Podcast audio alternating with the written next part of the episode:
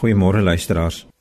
Ek wil graag in die week wat voorlê met julle 'n bietjie gesels oor hierdie wonderlike verhouding wat God die Vader met ons het. En ek wil dit baie meer duidelik sê hierdie intieme verhouding wat hy met ons het. Die feit dat hy in Christus na ons toe gekom het en homself in ons kom verbind het en een met ons is, sê die Bybel en dat hy nou vir ons die Heilige Gees gee om hierdie waarheid vir ons oop te breek. So ek wil daaroor gesels en dan wil ek dit koppel aan my geliefkoeste versie in die Bybel 2 Korintiërs 3 vers 18 wat sê terwyl ons sy heerlikheid aanskou, verander hy ons en word die beeld van Christus al hoe meer sigbaar in ons lewe. Nou, ek wil dit vandag begin met met die verhaal van hierdie vriend van my. Dis nie 'n verhaal nie, dis 'n gewoonte, 'n gebruik wat hierdie man gehad het.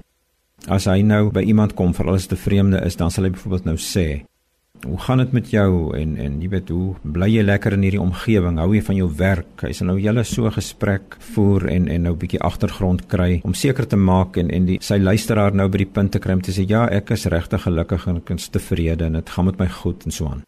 En dan sal hy die volgende oomblik sê nou as jy dan so gelukkig is en as dit met jou so goed gaan, sê dit dan asseblief vir jou gesig ook.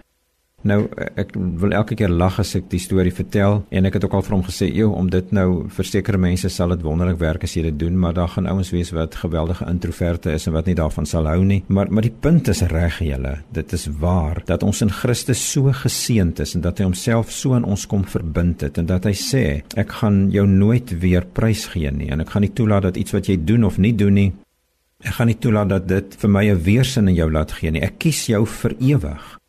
Jy's 'n kind in my huis, jy's 'n koningskind, jy's spesiaal. Ek hou van jou. Ons kan honderde goed sê wat ons so maklik vir mekaar sê dat ons nou besef dat die Here sê dis waar van jou lewe.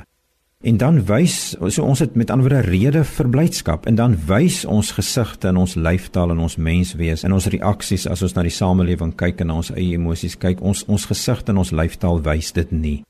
En dis waaroor dit gaan dat ons vir die Here sal vra, kom sê dit vir my gesig, laat my gesig en my lyfstaal dit wys. En dis waar 2 Korintiërs 3 vers 18 nou kom.